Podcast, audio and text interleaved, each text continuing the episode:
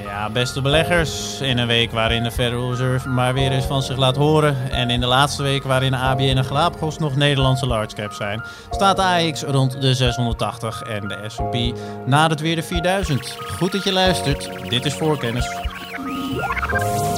Three ways to make a living in this business. Be first, be smarter, or cheat. No, I don't cheat. Beleggersbelangen presenteert Voorkennis. Ja, beste beleggers. Leuk dat jullie weer luisteren naar een eh, nieuwe aflevering eh, van Voorkennis. Mijn naam is Maarten. En eh, samen met beleggingsspecialisten Karel Merks en Stefan Hendricks gaan wij weer een aantal leuke onderwerpen bespreken voor de belegger. En daarmee begin ik even bij Karel. Karel, leuk dat je er bent. Welke onderwerpen ga jij vandaag behandelen? Ik wil het vandaag hebben over Volkswagen en de nieuwe samenstelling van de AX. Kijk eens aan, heel goed. En uh, Stefan, ook leuk dat jij er bent. Stefan, welke onderwerpen eh, gaan uh, we via jou behandelen vandaag? Nou, ik wilde vandaag eens wat dieper ingaan op de Europese telecomsector. Een over de afgelopen jaren vrij dramatisch presterende sector.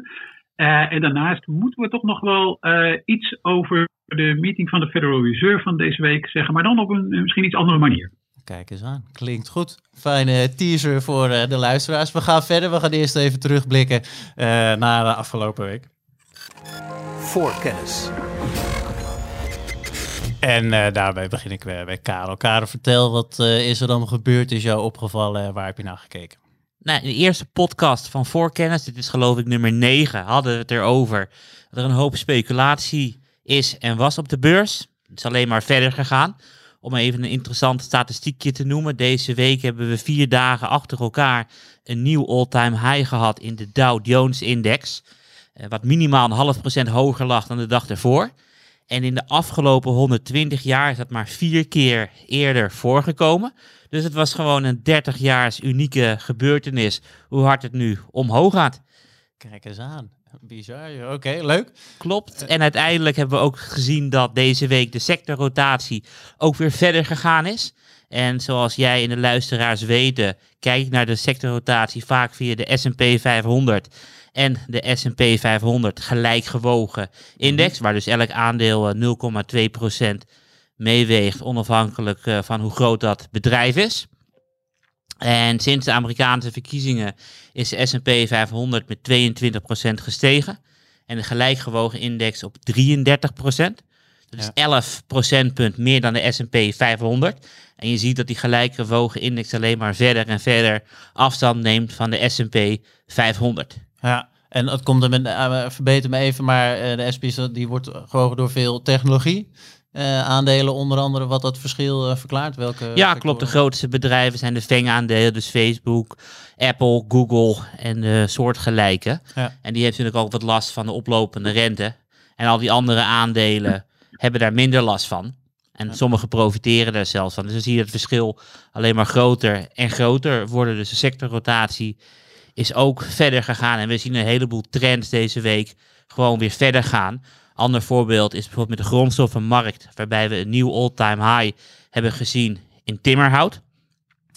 En dat is interessant omdat timmerhout een van de belangrijkste uh, grondstoffen zijn voor de Amerikaanse huizenbouw. En mijn collega Hilde Laman heeft een tijdje geleden geschreven van ja, dit zijn de aantrekkelijkste Amerikaanse huizenbouwers om te profiteren uh, van, de, van, de, van de bouwlust die er nu is.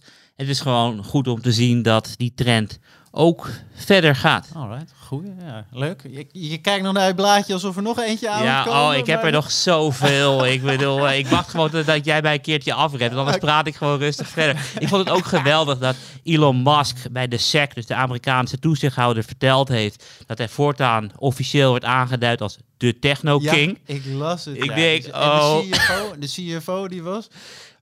Master of Coin? Ja, heel goed, heel goed. Uh, ik bedoel, het is natuurlijk wel fantastisch, weet je. Natuurlijk wachten tot dat Volkswagen zijn naam verandert naar Voltwagen. Ik weet niet of je hem snapt. ja. Oh ja, goeie. Alright. Nou ja, we gaan even snel een draai maken in onze eigen Master of Coin. Uh, Stefan Hendrik, die uh, kan er ook wat van. Stefan, waar heb jij allemaal naar gekeken deze week? Vertel. Nou, je weet dat in de, uh, de vorige aflevering, Maarten, hebben we het gehad over, hè, waar blik je op vooruit? Nou, ik zei, uh, er komen testresultaten van, um, nou, concentreer me even op Eli Lilly en hun mogelijke medicijn tegen de ziekte van Alzheimer. Nou, daar zijn de resultaten afgelopen weekend van gepubliceerd. Uh, en Lilly heeft daar ook zijn beleggers over bijgepraat. Het bedrijf was enthousiast. Nou, hè, eh, voor mensen die in een beginnend stadium zitten van Alzheimer, daar uh, lijkt het alsof er, in ieder geval de eerste dit onderzoek heeft uitgewezen, dat ongeveer de, de functionele, de cognitieve vermogens van die patiënten, uh, die, die achteruitgang wordt met 32% verminderd met dat medicijn van Lilly. Dus Eli Lilly was zelf wel redelijk positief daarover. Uh, beleggers waren iets minder positief. Die hadden eigenlijk op nog veel betere resultaten gerekend. Dus het aandeel ging ook bijna min 10 toen die uh, cijfers werden gepubliceerd.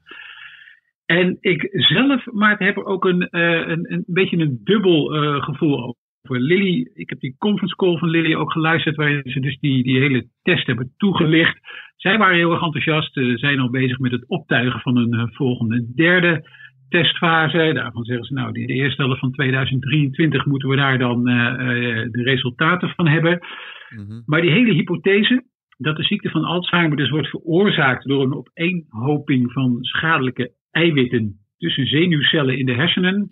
Uh, dat is de, de, de, mechaniek die dat medicijn van Lilly aanpakt en ook het medicijn van Biogen. Ja, ja het is nog altijd niet 100% bewezen. Dus er zijn analisten die zeggen, ah, dit was toch best, waren dit goede resultaten. En er zijn ook analisten die zeggen, nou, de kans dat dit medicijn wordt toegelaten is nul. Okay. Dus het is lastig nog.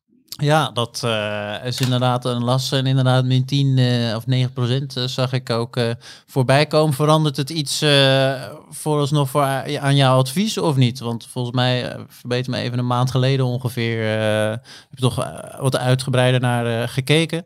maar als ik jou zo hoor, verandert dat nog niet.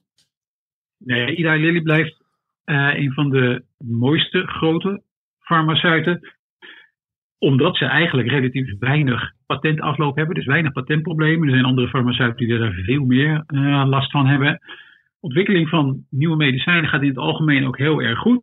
Dus de omzet van net op de markt verschenen medicijnen loopt gewoon hartstikke goed. Ik heb al wel uh, geschreven in beleggsbelangen natuurlijk, uh, een aantal weken geleden.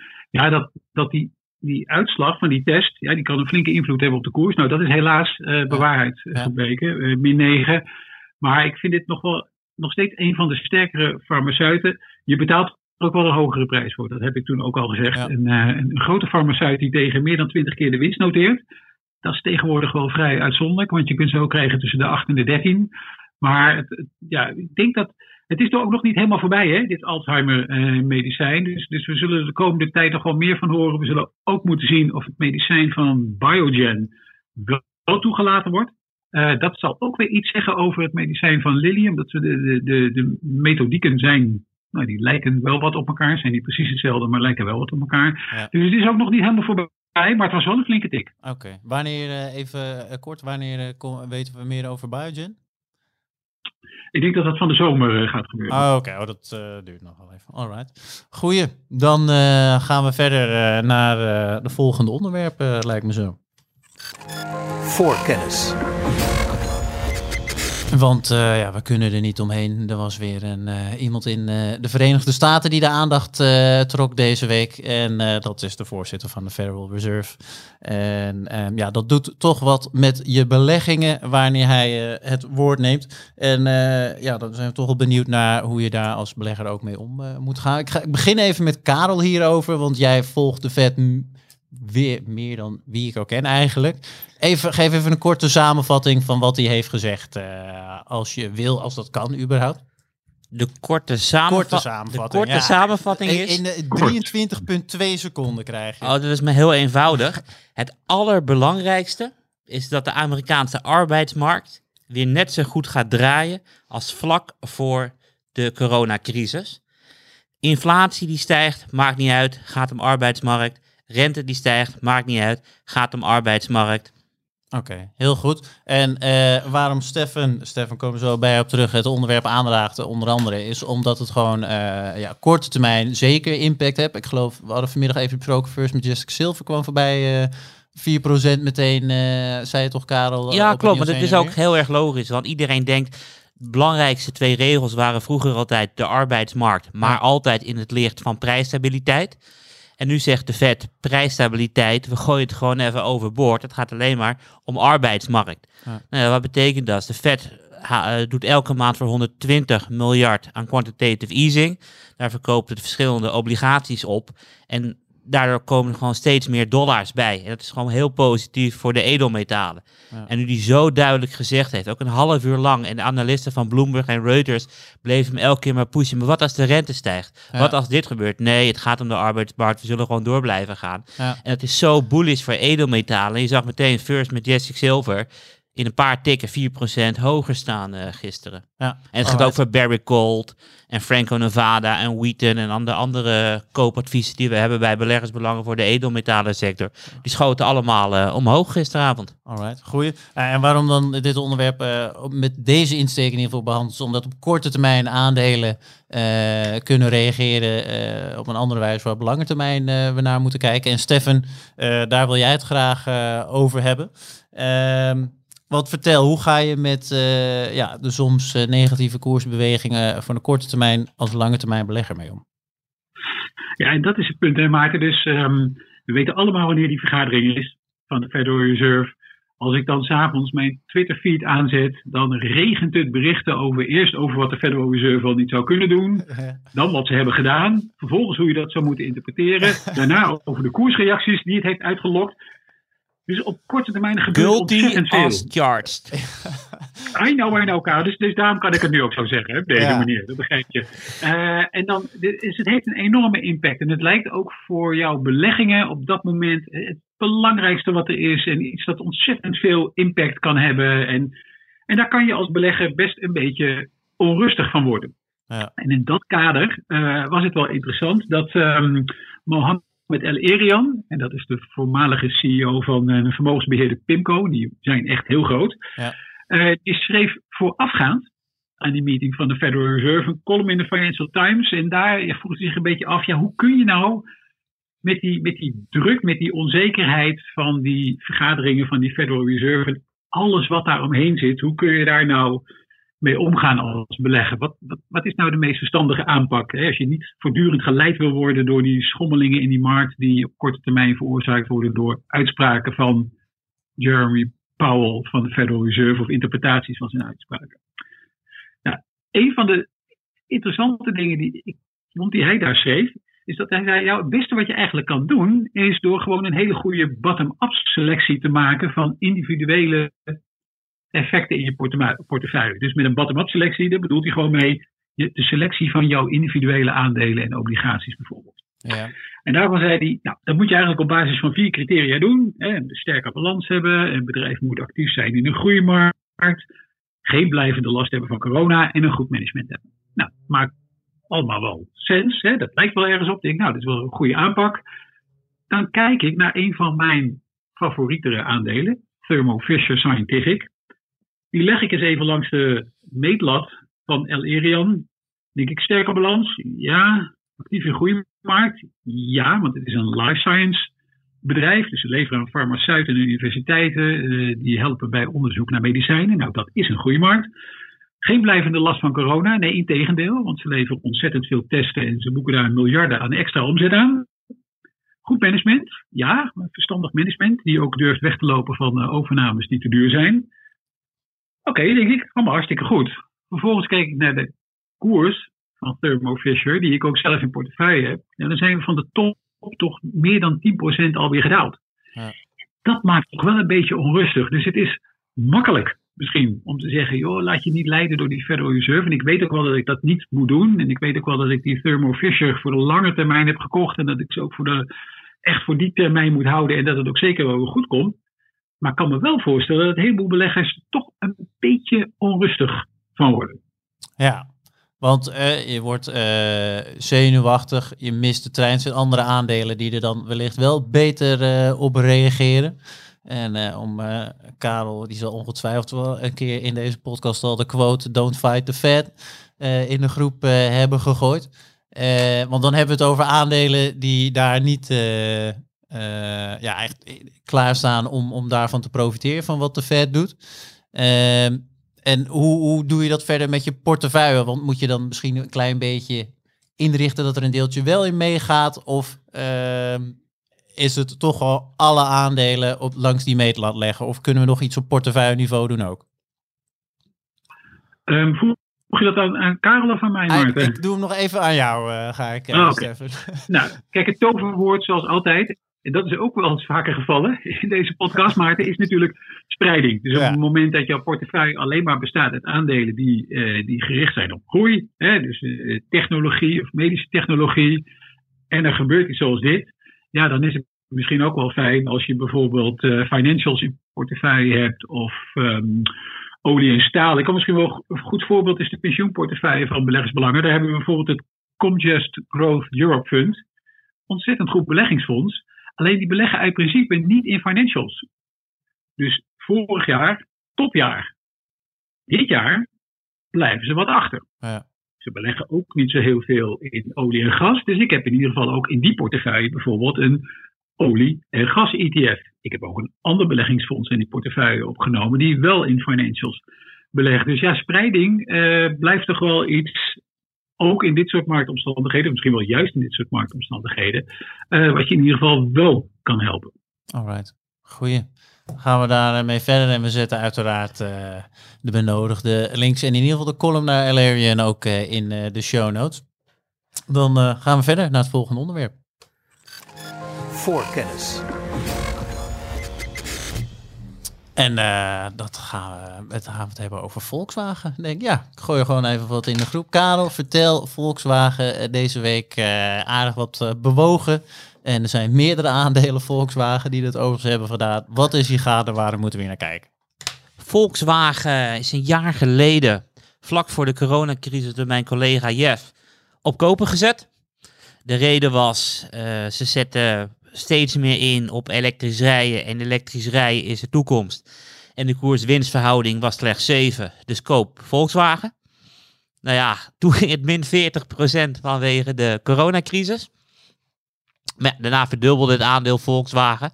En staat nu 40% hoger naar, vanaf de datum dat Jeff het adviseerde in februari ja. 2020. En ja. in maart is het aandeel werkelijk ontploft. En dat komt doordat de CEO van Volkswagen, vol inzet op elektrisch rijden en nog meer als een jaar geleden. Dus ze hebben net als Tesla hebben ze een battery day en uh, ze willen zoveel elektrische auto's gaan verkopen de komende jaren dat de markt echt dol enthousiast was. En dit nieuws is overal te lezen, maar waarom ik het uh, hier wil aanstippen, is omdat je een goed beleggingsidee kan hebben. Zoals Jeff zei, koop Volkswagen een jaar geleden. Maar de uitvoering kan wat minder zijn. En de uitvoering is van, je gaat naar je broker account, je zoekt Volkswagen en je denkt, ik koop aandelen Volkswagen. Alleen, je moet geen aandelen Volkswagen hebben. Want voor aandelen Volkswagen, er zijn uh, meer dan 90% van de aandelen zijn niet vrij verhandelbaar. Dus die zitten in, in vaste handen. Ja. Uh, grootste gedeelte zit bij Volkswagen zelf. Gedeelte zit nog bij dus een Duitse deelstaat. Qatar heeft wat. En nog een plukje bij het Noorse staatsfonds. En de rest is nauwelijks verhandelbaar. Okay. Maar je moet hebben de preferente aandelen. En die aandelen zitten ook in de DAX zelf. En wij volgen ook de preferente aandelen. En ons koopadvies is ook op de preferente aandelen. Ja. Alleen wat je dus ziet in maart is dat beleggers denken: oh, Battery Day, Volkswagen, enthousiast, gaan Tesla aanvallen. Uh, en de CEO, uh, meneer Dijs, die is, Dies, is ook een soort Muskman. Dus heel fanatiek op Twitter, overal op reageren. Staat okay. graag in de, in de spotlights. Ja. Alleen wat zie je dus nu? Dat de aandelen Volkswagen zijn met 80% omhoog geknald. En de, en de preferente aandelen met 40%. Dus stel dat mensen denken, ik wil nu Volkswagen kopen. En je koopt dus de gewone aandelen Volkswagen. Dan weet je dus dat je de komende tijd die 40 uh, procentpunt aan rendement gaat inleveren. Ja. Maar je krijgt helemaal niks extra's voor die aandelen. Want die aandelen zijn beide in 86 op de markt gekomen. En er is een klein verschil dat de normale aandelen uh, 6 cent minder dividend uitbetalen. Maar ja, eerst was 6 cent op, uh, op 30 cent een hele op 30 cent dividend heel veel. Nu betaal je 5 euro dividend. En die 6 cent extra is bijna verwaarloosbaar. Ja. Dus je gaat gewoon inleveren daarbij. En ze hebben beide 10,4 om 10,5 procent rendement gemaakt in de afgelopen 34 jaar. Dus het levelt zich uit. Dus mijn, ik wil niet echt hebben over Volkswagen, maar ik wil meer beleggers waarschuwen van. Als je ons koopadvies volgt, koop dan die preferente aandelen. En koop niet die veel te dure, uh, common normale aandelen. Ja. Uh, en op het moment dat je optiehandelaar bent, zou je er ook kunnen inspelen. Want dan zou je bijvoorbeeld een, een optieconstructie nemen die inspeelt op een stijging van de um, preferente aandelen en een daling van de, com van de common shares. Ja. Maar ik vermoed voor de optiehandelaar thuis dat daar toch wel dat, uh, de, de prijs van zo'n optieconstructie nu uh, aardig hoog ligt uh, vanwege alle bewegelijkheid daar. Klopt, maar ja, je, hebt natuurlijk altijd, je, kan natuurlijk iets in de money doen en de echte op optiehandelaren bij beleggersbelangen zijn natuurlijk Hildo en Jeff. Ja. En ik denk dat die er vast misschien nog wel wat over gaan ja, schrijven. Want, ja, want als er gewoon een verschil is, dan kan je gewoon gratis arbitreren. Kijk, alleen het risico is van natuurlijk in 2008 uh, toen Porsche nog geen onderdeel was van Volkswagen. Toen nam Porsche opeens uh, een belang in Volkswagen wat niemand verwacht had. En toen had je dus een short squeeze en niemand wilde verkopen. En toen werden dus die um, common shares die niet in de dak zaten, die werden gewoon even geduwd naar een market cap van 400 miljard. De grootste short squeeze aller tijden. En toen was Volkswagen het oh. grootste bedrijf op, op de wereld. weet je? En nu heb je op die Reddit fora van ja, laten we weer Volkswagen het grootste bedrijf maken van de wereld. Dus ik bedoel, voor de speculanten is er een, een hoop actie uh, in te vinden. Ja, alright. Goeie. Ik ben eigenlijk, weet uh, jij, of Stefan uh, mag ook, maar ik ken eigenlijk nog meer uh, aandelen met een soortgelijke splitsing, zo 1, 2, 3 uit je hoofd? Poeh, je hebt natuurlijk, uh, ik weet niet of het nu zo is, want ik volg het, aandeel niet meer. Maar vroeger had je natuurlijk ook nog Heineken en de holding Heineken, toch Stefan? Ja, zeker. En uh, volgens mij is er iets uh, Duits ook, want als ik me niet vergis, heb je het ook bij Henkel. Okay. preferente aandelen. Ja, en gewone aandelen. Dus het is inderdaad wel iets dat, dat vaker voorkomt. Ja. Um, het is echt beschermingsconstructie. Wat, wat, ik, wat ik bijvoorbeeld kijk naar, naar Duitsland, is natuurlijk een, echt nog niet een land van. Uh, je moet me corrigeren als ik er nu naast zit door Stefan, maar niet echt een land van de beursgenoteerde bedrijven. Het is echt een land van de familiebedrijven. Uh, en, en Frankrijk is echt het land van de beursgenoteerde bedrijven. Volgens mij zijn er veel meer aandelen in Frankrijk genoteerd dan in Duitsland. Toch, Stefan? Ja, je, hebt gelijk dat Duitsland niet echt misschien minder beursgeoriënteerd is hè, dan een aantal andere landen. Dat Duitse bedrijven die naar de beurs zijn misschien wat eerder een, ergens een beschermingsconstructie uh, hebben. Al konden wij er in Nederland natuurlijk ook wat van. En uh, ja, het land dat misschien wel het meest beursgeoriënteerd is, is Amerika. Maar daar komen, uh, Karel, toch ook nog wel met enige regelmaat techbedrijven naar de beurs met in mijn optiek belachelijke aandeelhoudersstructuren. Waar ja, je, nee, ja, je hebt helemaal, helemaal niets te vertellen hebt. Je hebt helemaal akkoorden. En dat was volgens mij ook de reden waarom Snap niet in de SP 500 kan komen. Of in ieder geval kon niet komen. Want ze echt een hele rare constructie hadden. Je hebt natuurlijk ook uh, Google, heeft natuurlijk ook meerdere aandelen op de markt gezet. Nee, sterk punt van je, Stefan. En even voor mij een beeld, die beschermingsconstructies allemaal om overnames en dergelijke tegen te gaan? Of zijn er nog andere redenen waarom eh, dergelijke constructies in leven? Ja, vaak overnames en om gewoon nog de controle te hebben over het bedrijf. Ja. Dat gewoon jouw wil uh, wet is. Ja, alright. Goeie. Ja, dit is ook bij hele, bij hele grote bedrijven het uh, geval ook nog maar hoor. Uh, Roche bijvoorbeeld, Farmaceut, ook die hebben gewone aandelen en, en stemgerechtigde aandelen.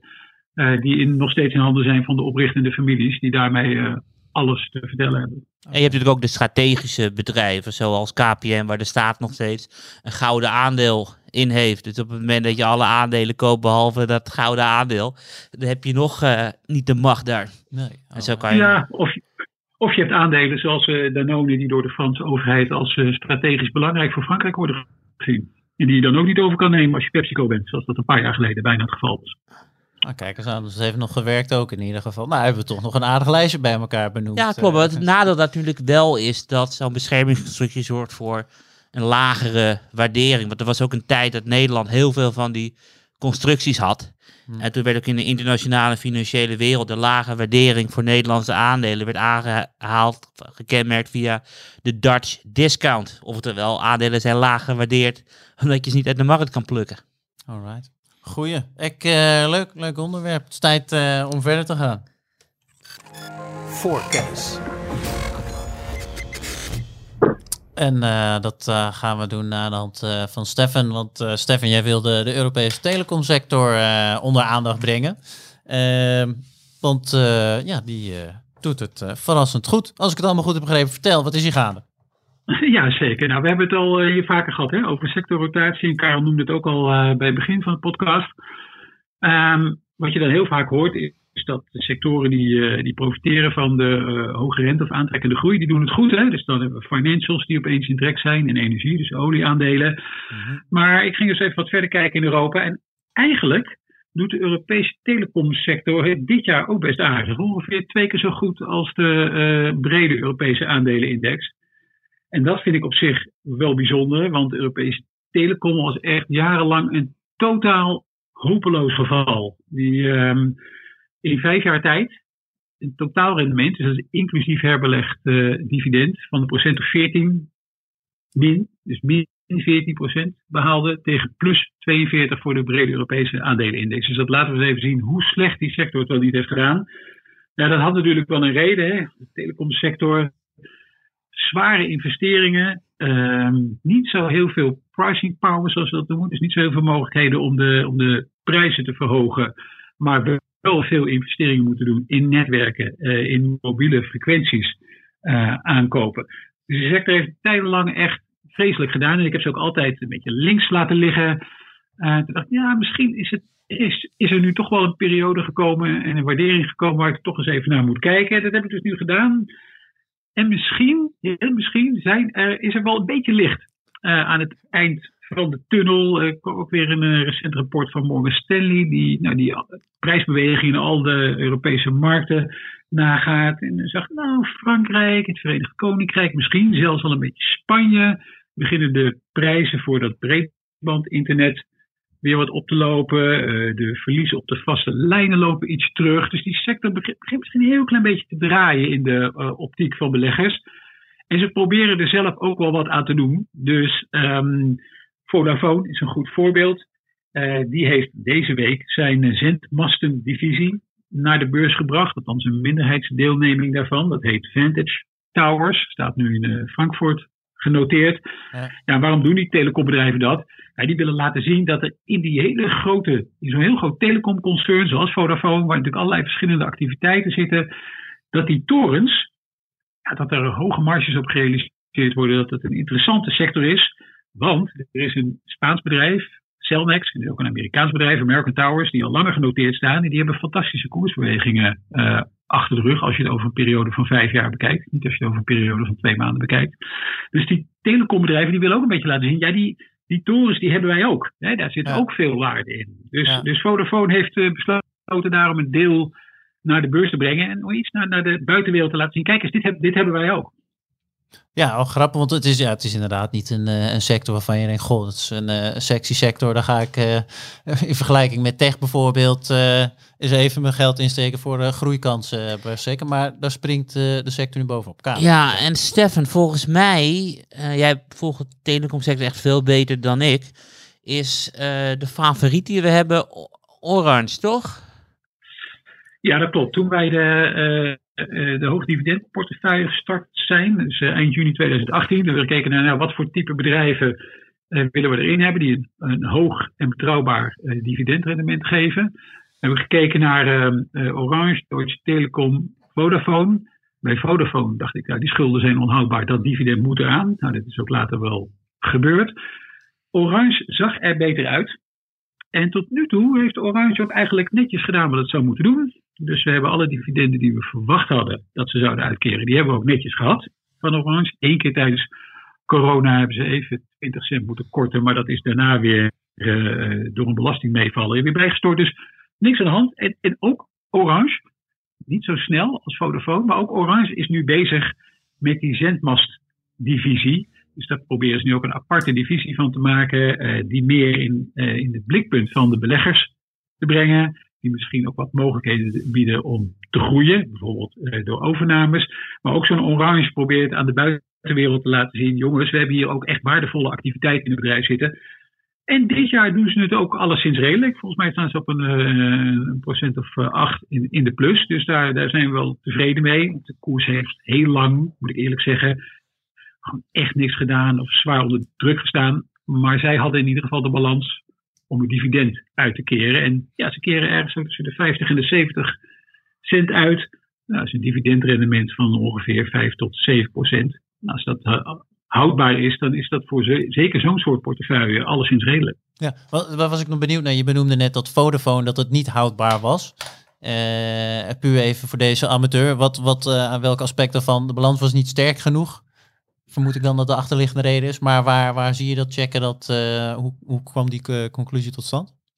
Ja, zeker. Nou, maar die gaat echt met sprongen vooruit, vind ik. Dus eh, nee, dat klopt. Het, het zat inderdaad, daar heb je helemaal gelijk in. Het zat in, het zat in de balans. Hè. Dus Vodafone had eigenlijk gewoon te veel schulden. Ja, die, die moeten natuurlijk wel afgelost worden. Er moeten nog wel rentebetalingen op gedaan worden.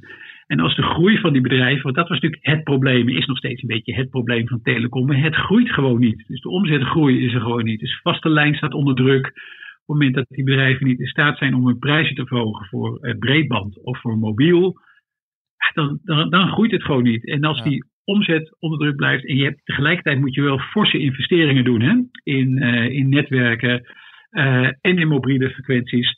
Ja, dan is, dan is voor de bedrijven die die net even aan de verkeerde kant staan, financieel gezien, dus qua soliditeit van de balans, ja, dan is zo'n dividend niet houdbaar. Uh, maar Orange was dat wel. Okay. En daarom moet je altijd kijken naar de balans, Maarten. Want ik weet niet precies wanneer het was. Ik uh, gok tien jaar geleden ongeveer. Of je mag me corrigeren, Stefan, uh, als jij de precieze datum weet. Is dat beleggers kochten toen KPN voor het dividend.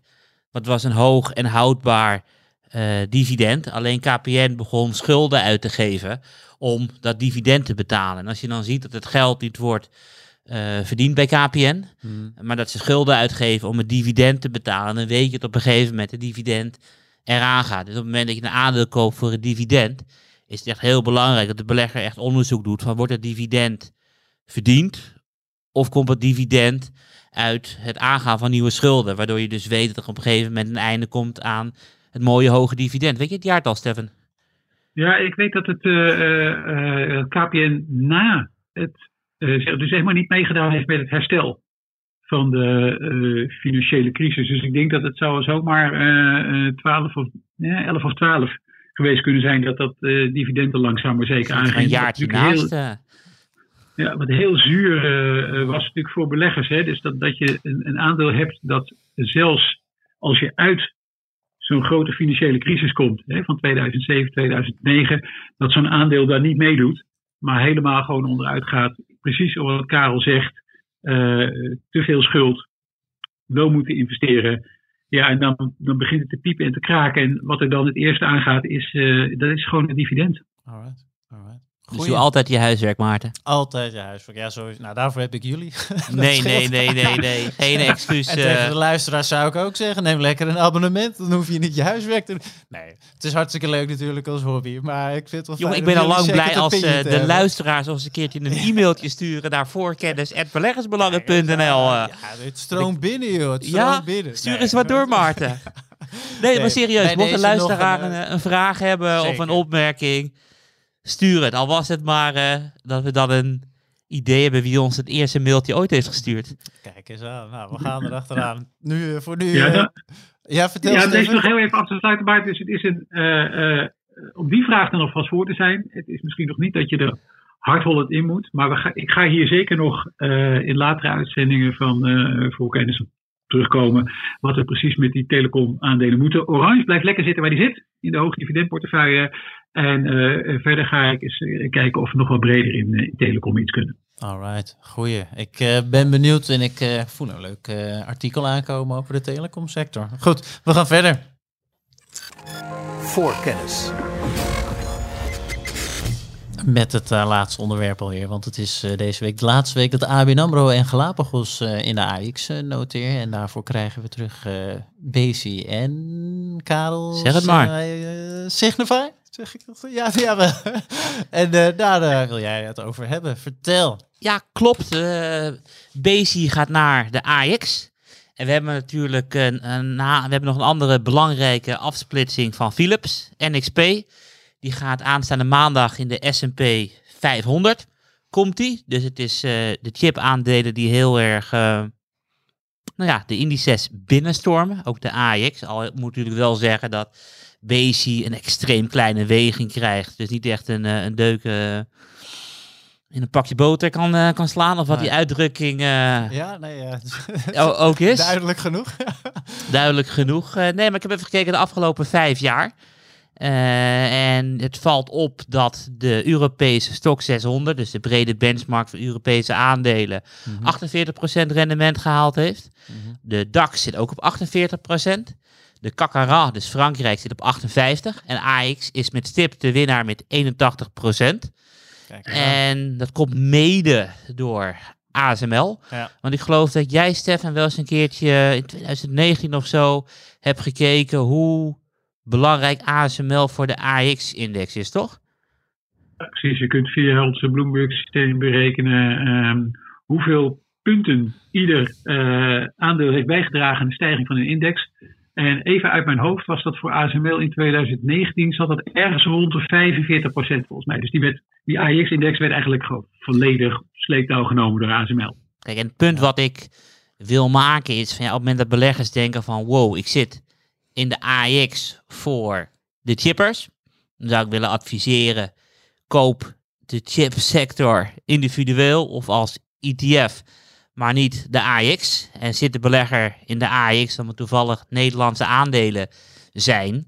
Ja. Kijk misschien wat breder. Dus misschien is een uh, Europese index of een wereldindex misschien wel beter door beter gespreid te zijn. Want de AX wisselt af en toe. Dus in 2007, vlak voor de financiële crisis, was het natuurlijk een financial index. Het was met, uh, met Baan en Versatel en KPN echt een technologie-index in het jaar 2000. dus je ziet echt dat het een, een, winner-takes-all-index is. En dat gedurende de afgelopen 20 jaar de sector samenstellen, nu ook Proces erbij natuurlijk, enorm aan het veranderen is constant.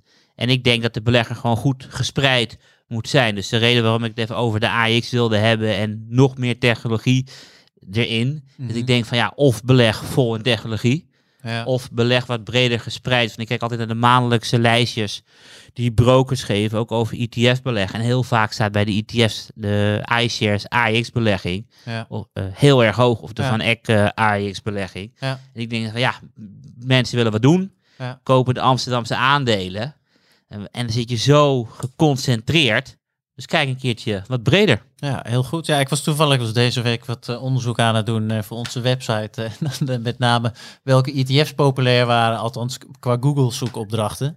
En ik verbaas me over hoe hoog inderdaad nog de AX ETF kwam te staan samen met China, olie en chip kwam onder andere ook nog voor. Maar ik had niet verwacht dat de AX nog zo populair zou zijn als ETF-index. Ja, maar beleggers denken altijd dat dicht bij huis de beste beleggingen zijn.